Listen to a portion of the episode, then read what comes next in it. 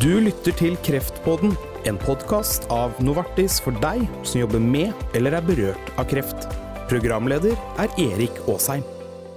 Det handler jo om både forskning, innovasjon og helsetjeneste. Det er tre ting som egentlig presisjonsdiagnostikken og presisjonsmedisinen eh, omfatter. Velkommen til eh, Kreftpodden, Hege Russnes. Tusen takk. Du leder nå den nye satsingen eh, for utprøvende kreftdiagnostikk ved Oslo universitetssykehus. Eh, du er patolog, og du er forsker også ved Radiumhospitalet. Eh, vi skal snakke om presisjonsdiagnostikk etter hvert. Eh, og det er viktig for fremtidens eh, kreftbehandling. Og ikke minst eh, patologens sentrale rolle i dette arbeidet. Og aller først, altså, hva slags rolle er det patologen har?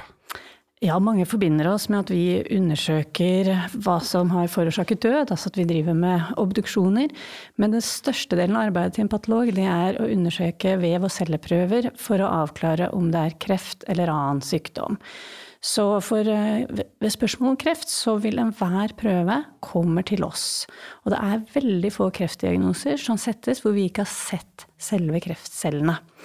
Så vi kan se det i alt fra celleprøver til alt som blir operert bort, føflekker som fjernes, det kommer til oss. Og så prosesserer vi de, og så ser på de i mikroskopet. Og så sier vi at disse cellene nå, de er så forandret at de har kreftcellenes egenskaper.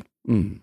Og da er vi inne på, på, på det nye, store eh, temaet innenfor eh, kreftforskning, eh, presisjonsdiagnostikk. Kan du fortelle hva er det man gjør, hva kan man finne ut? Altså, hvordan kan dette hjelpe kreftpasienter?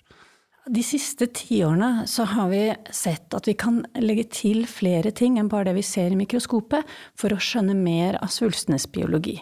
Eh, noe av det første som kom, var at vi kunne se enkeltproteiner, om svulstcellene uttrykket noen type proteiner eller andre, og noen sånne proteiner kunne du rette medikamentell behandling mot.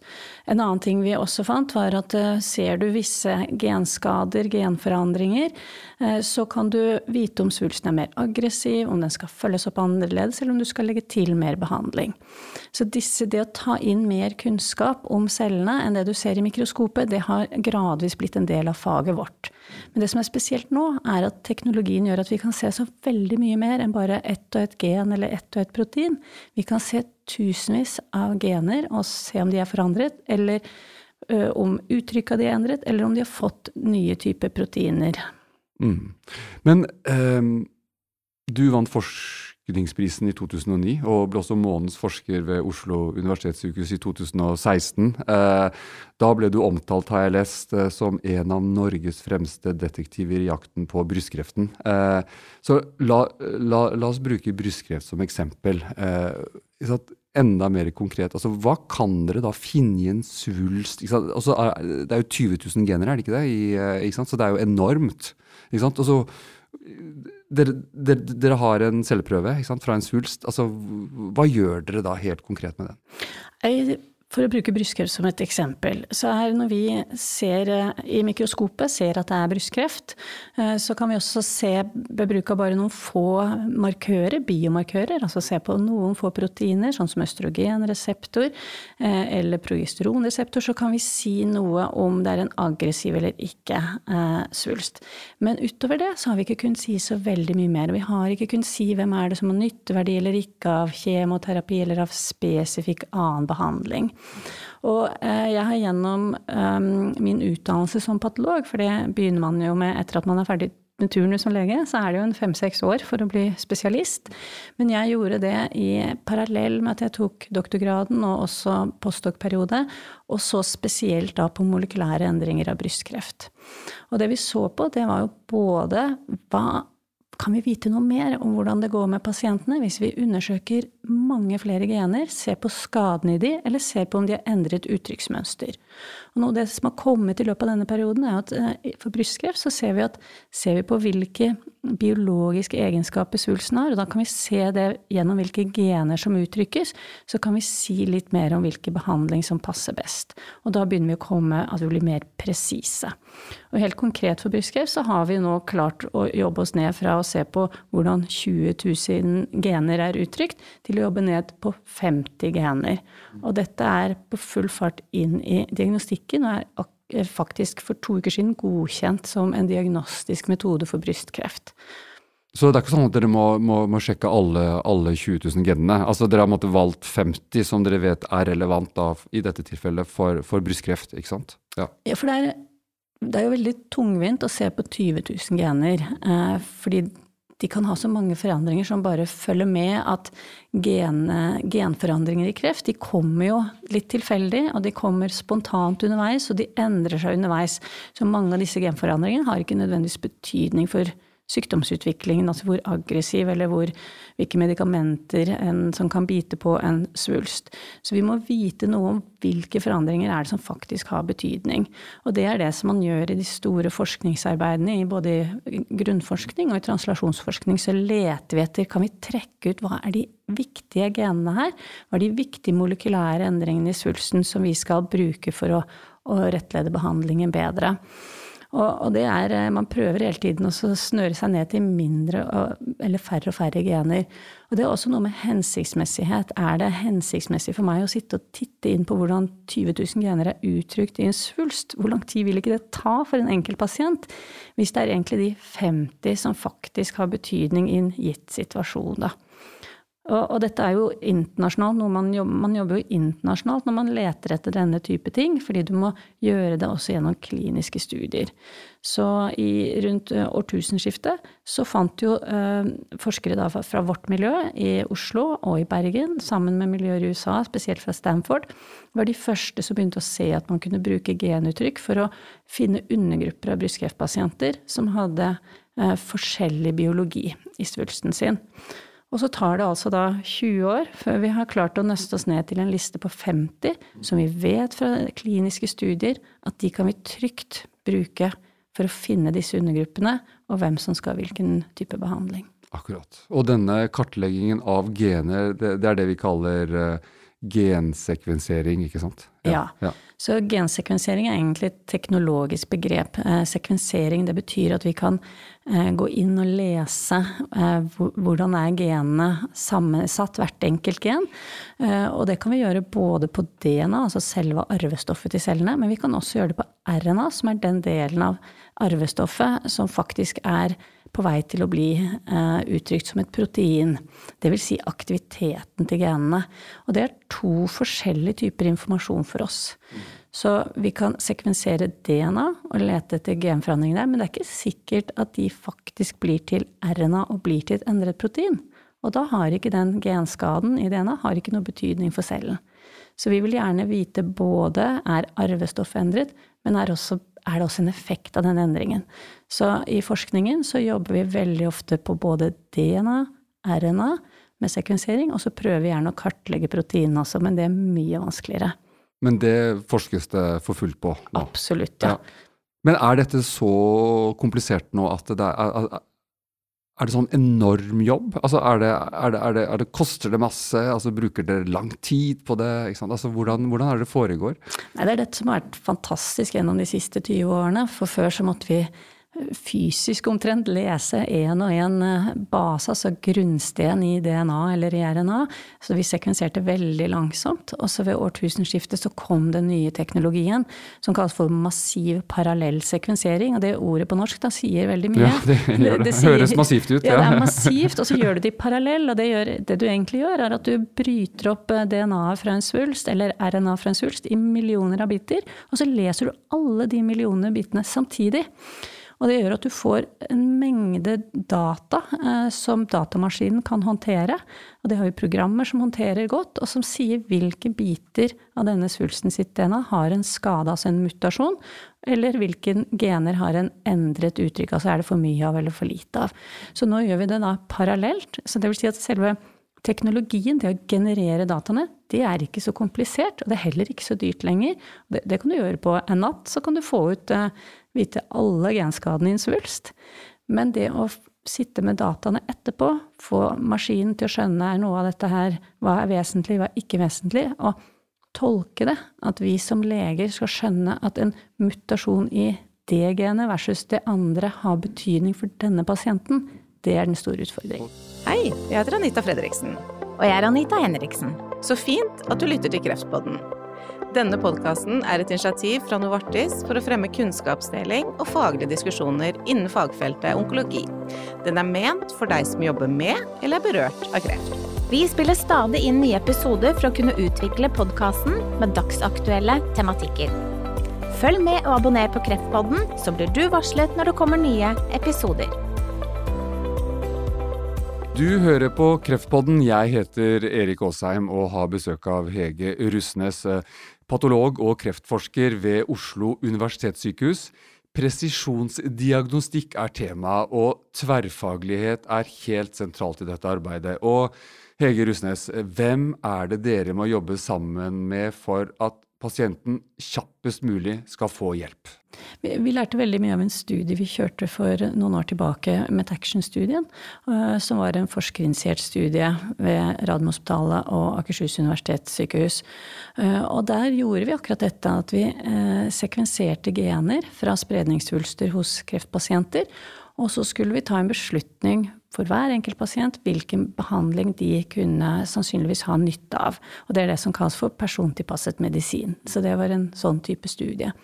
Det, der lærte vi veldig mye.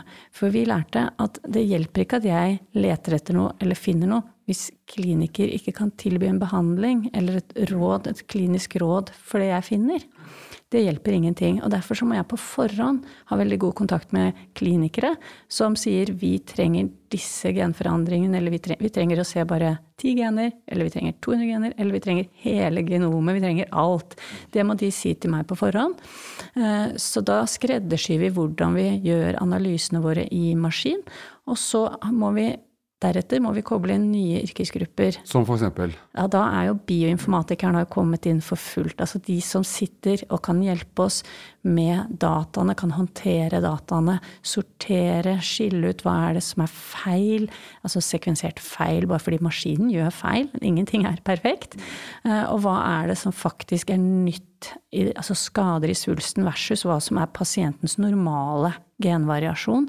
Eh, den type ting må vi ha bioinformatiker til å hjelpe oss med. Så det er fremtidens yrke?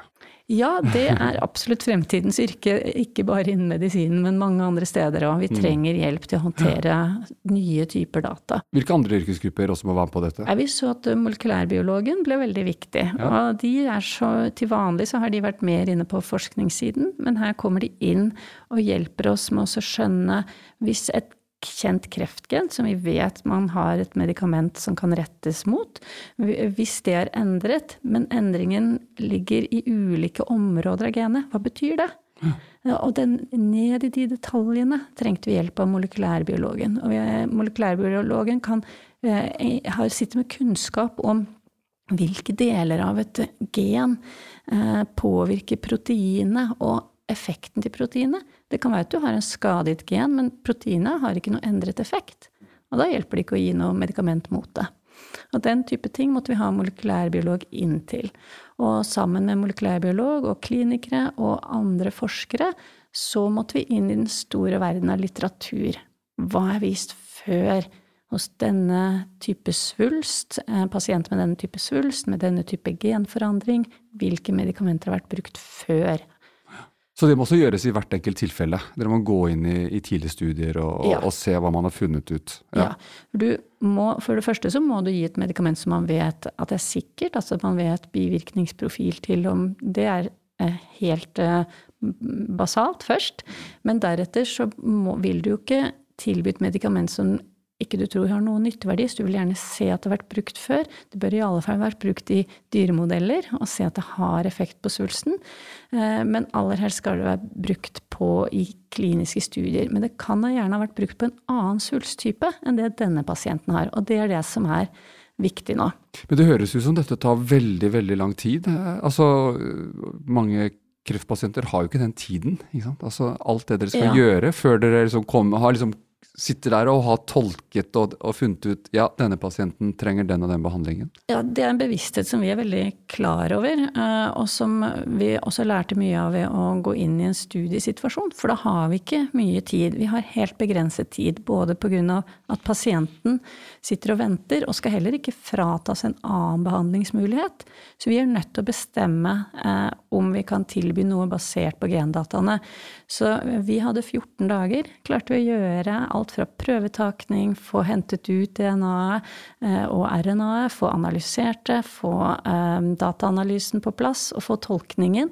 Og så hadde vi eh, fellesmøte, det tverrfaglige møtet, hvor også, i tillegg til kliniker og patolog, så var også molekylærbiologen og bioinformatiker med. Mm, og der først begynner vi å finne ut har vi nok kunnskap om denne pasienten sin biologiske, eh, eller svulst sin biologiske egenskaper, til at vi kan gå inn og ta en beslutning. Og hvis dere har det, hva, hva gjør man da? Altså, den behandlende kreftlegen, liksom, ja, er det, da, er det han som, eller hun ja, som tar over? ikke sant? Ja, så ja. dette her, vi, vi, valgte det vanlig internasjonalt også, at man går i på en måte to møtesettinger. Det første jeg beskrev nå, er det som kalles da for et molekylært tumorboard. Tumorboard, Tumorboard. Styremøte i styremøte Svulststyremøte på godt norsk. Ja, ja, eh, for denne pasienten, eller flere hvis du har flere samme uke. Da. Mm.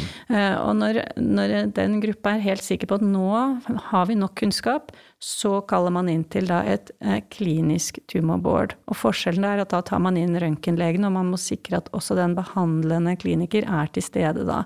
Og så legger man frem da på en litt mer effektiv måte hva er dataene? Hva er evidensen, altså bevi, eller vist før, i en tilsvarende situasjon?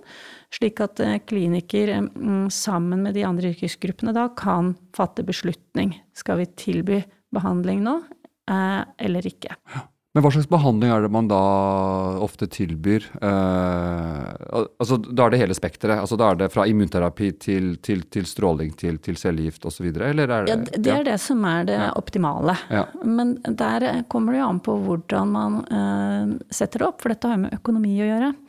Så når du går inn i en studiesetting, så er det avhengig av hvem finansierer behandlingen i studien. Og det kan være at man eh, da har samarbeid med legemiddelindustri, og at det kan gi et visst spekter av behandlingsmuligheter. Men i mange land nå så begynner man å, å, å også bruke dette her inn i um, sykehusets uh, praksis. Uh, og da kan man på en måte øke mulighetene uh, noe, da. Mm. Det høres jo veldig dyrt ut, dette. da. Altså, Én ting er selve behandlingen, men jeg tenker på alt arbeidet som, som, ligger foran. Så mange yrkesgrupper, så mange møter, så mye jobbing med å måtte finne det. Eh, er det gjennomførbart? Ja, det som eh, Hvis man tar fra start av, så er jo altså pasienten sin prøve er allerede tatt. For det er en del av diagnostikken. Så materialet ligger der. Eh, det, eh, det å gjøre gensekvenseringen nå, det blir rimeligere og rimeligere. Og maskiner er satt opp sånn at du kan kjøre mange pasientprøver samtidig. Og jo flere du kjører, jo billigere er det per prøve. Så den biten er veldig skalerbar. Så kommer det med analysebiten også, er mer og mer automatisert. Men tolkningen er det som er den store flaskehalsen mange steder.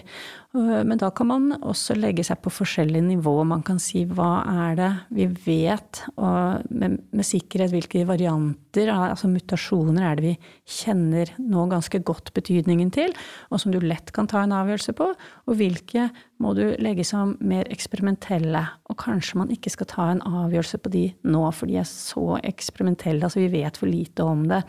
Så du kan lage en nivåinndeling som gjør at man begrenser tolkningen til det som man har god kunnskap om, og så må man legge de andre ned. Og så disse eh, tverrfaglige møtene, det er noe vi allerede har i det har vært raskt økende grad mange av på sykehusene. Fordi medisinen trekker inn, altså medisinsk kunnskap øker på alle feltene. Altså det øker inn eh, billeddiagnostikken, medikamentmulighetene øker, stråletyper øker. Så, så, dette er vi vant til nå, at vi må ha de tumorboardene. Så det å legge til noen yrkesgrupper for å hjelpe til med ny type diagnostiske data som kommer, jeg ser ikke som det som en utfordring. Og så har dere også samarbeid sykehusene imellom. Dere har videomøter. for denne, denne ekspertisen finnes jo ikke på alle, alle sykehus som også jobber med kreft. ikke sant? Ja, og det, det, vi også da, det så vi i den samme studien, så så vi det veldig godt. At det å sitte med videomøte, det fungerer godt. Og det fungerer godt at du kan se de samme dataene, eh, og man får kompetanseoverføringen også til små miljøer. Ved at man sitter fra større miljøer og forklarer hva er det man har vurdert her, eh, hva tenker man videre, og så får man en dialog på det. Så det mener jeg er mye bedre også enn å bare sende fra seg rapporter hvor det står et eller annet funn, eh, og noen skal bare agere på det. Så trenger man også å sitte sammen og forklare. Og dette i, i f.eks. I, i Danmark, som gjør dette i større grad, så sitter de med Der sitter de gjerne med fem sentre, kan være fem mer enn fem mennesker på hvert senter. De sitter altså mellom 20-30 mennesker på én times videomøte og kan ta opp mellom 10 og 15 pasientkasus på et sånt møte. Såpass, ja. Nettopp. Mm. Men som, som, som, som, patolog, det må være utrolig spennende å jobbe med dette. Altså, det har jo, altså dette har jo, her har det jo skjedd veldig mye på, på veldig kort tid, ikke sant? Ja, jeg syns dette er veldig, veldig, spennende å få lov å sitte midt oppi det. Eh, vi er jo en yrkesgruppe som går i kulissene. Vi er ikke de som sitter tettest på pasientene, men vi føler jo at det ligger et veldig stort ansvar i det å ta en, eh, eller legge grunnlaget for beslutningene, for det er vi med på. Og det er noe som vi alltid har gjort tradisjonelt. Det er vi som sier om det er kreft eller ikke kreft, om den ser aggressiv ut eller ikke, f.eks. Så vi vet at våre, hva vi har sett i mikroskopet tradisjonelt, det har veldig stor betydning for for pasient, eller behandlingsvalget for pasientene. Og, og, det som eh, da er det nye, er jo at når det kommer ny teknologi inn, så er det veldig lett å, å la seg eh, forføre av det. Og tenke at å, bare vi får sekvensert alle genene, så blir det fantastisk. Da kan vi ta i bruk masse nytt eh, på medikamentsiden. Men så er det så mange Det er en del fallgrupper underveis. Det kan være at svulstmaterialet er, er tatt på siden av svulsten. Kanskje ikke det er kreftceller inne i prøven nesten i det hele tatt. sånn at du finner ikke noe der, og det er ikke fordi det ikke er der, men det er fordi det er en falsk, nei, negativ prøve. Eh, det kan være at eh, det er stor variasjon mellom spredningssvulstene til en pasient, så det å eh, bruke forandringer i én spredningssvulst og gi medikamenter har ingen betydning, for det er andre forandringer i de andre. Og da bør vi som patologer vi bør ha en formening om er dette en god og representativ prøve til å ta behandlingsbeslutning på. Og så vet man også at uh, eh, pga. den nye tverrfagligheten, altså slik dere jobber nå, det, det har reddet liv, og det, det, vil redde flere liv. Ja, vi så det i den uh, studien. Så hadde vi 50 pasienter inne, og, og to av de som fikk behandling der, de, dette her var siste stadie kreft. De skulle ikke ha muligheten til å ha noen annen behandlingslinje som kunne være virksom. Det var inklusjonskriteriet for å komme inn i studien. Og to av de pasientene lever nå tre år etterpå uten eh, tumorvev eller uten sykdom. Og det er jo for oss eh, sier jo noe om mulighetene her. Det sier at ja, det er kostbart, men du har faktisk muligheten for noen. Mm. Men er dette nå siste stadiebehandling, eller, eller, eller, er det nå at det også vil være rett etter diagnosering at vil, liksom, dette vil være det første man gjør? Det, det har Til nå så har det vært vanlig å ha siste stadiebehandling, fordi den har en eksperimentell natur. Så man vil ikke frata en pasient en, en annen behandlingslinje med mulig effekt. Men dette flyttes nå fremover i linjen og flyttes tidligere. Og det man ser er jo at det fins noen genforandringer. Eh, har du de, så kan du ha et medikament som har svært god effekt. Men disse genforandringene de fins kanskje i 1-2% av svulster av pasientene. Og det betyr at eh, vi må finne de pasientene, og de har da kanskje 70-80 eh, sjanse for å ha fantastisk respons. Og da er det kanskje feil å vente til langt ut i linjene med at de skal finnes ganske tidlig. Og der kommer det nå et stort skifte, tror jeg, da, i kreftdiagnostikken. Hvor tidlig får vi lov til å, å, å lete? Men litt, det er jo fortsatt kostbart um, å lete på denne måten, men, uh, men det, det, er det som skifter nå. Men der har man ikke bestemt noe ennå? I Norge er det ikke bestemt noe ennå, men, uh, men, det håper vi kan endre seg. Og du mener at Norge ligger mange år etter våre naboland med å persontilpasse kreftbehandlingen. Hvorfor er det slik? Um, jeg tenker um, ja, eh, det er et vanskelig spørsmål egentlig. Da. Det er et veldig vanskelig spørsmål. Men eh, det vi ser er at um, i eh, for nabolandene våre, hvor det har vært en eh, satsing de siste årene på å legge inn en finansiering for å få opp dette grunnlaget, få opp plattformene som kan gjøre denne type analyser, og få kompetansen inn i sykehusene. Og dette er brobyggerkompetanse mellom forskning og diagnostikk. Det har vært gjort i nabolandene våre, og da har det vært et offentlig-privat samarbeid som har gitt mulighetene. Eh, det har vi ikke fått til ennå i Norge, men, men, jeg er veldig optimistisk der, for vi, vi er godt eh, skodd for det. Eh, og det Norge har som er en fordel, tenker jeg, vi har en finansieringsordning som er ganske mm, interessant, da, fordi vi har vår basisfinansiering til sykehusene gjennom eh, de regionale helseforetakene. Men så har vi også en refusjonsbasert finansiering. Så det er mulighet å tenke at man kan få dette til eh, både gjennom offentlige virkemidler, men så trenger man også å få eh, annen type støtte. For, det vi snakker om nå, det handler jo om både forskning, innovasjon og helsetjeneste. Det er tre ting som egentlig presisjonsdiagnostikken og presisjonsmedisinen eh, omfatter. Dette er fremtiden? Dette er fremtiden, ja. Og, og det å, eh, bare det at vi i Norge nå ikke genererer denne type data, det gjør at vi lærer ikke noe om hvorfor noen pasienter ikke har effekt av behandlingen. Vi lærer ikke noe nytt. Så det å generere mye mer eh, biologiske data fra svulstene til norske pasienter som samtykker i at man kan få lov til å lete og finne ut noe, det er gevinsten til neste generasjons kreftpasienter. Tre ting å ta med seg fra denne samtalen. Ja, eh, det aller første det er at presisjonsdiagnostikk det gir oss muligheten til å trekke inn mye mer av de biologiske egenskapene til hver enkelt pasient sin kreftsvulst inn i behandlingsbeslutningene. Eh, det andre det er at eh, molekylær kreftdiagnostikk det krever veldig tett eh, tverrfaglig samhandling. Det er ikke noe man kan drive med alene. Vi må agere sammen, mange yrkesgrupper. Og det tredje det er at vi må i Norge nå levere diagnostikk i dag som også fyller morgendagens behov. Vi må ha inn mer eksperimentell eller utprøvende kreftdiagnostikk, sånn at vi er klar for morgendagen.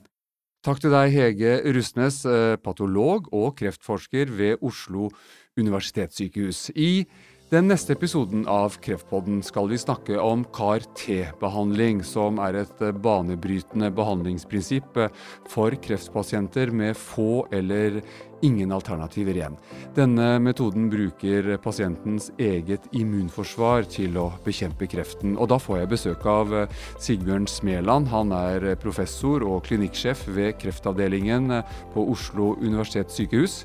Jeg heter Erik Aasheim. Vi høres i Kreftpodden.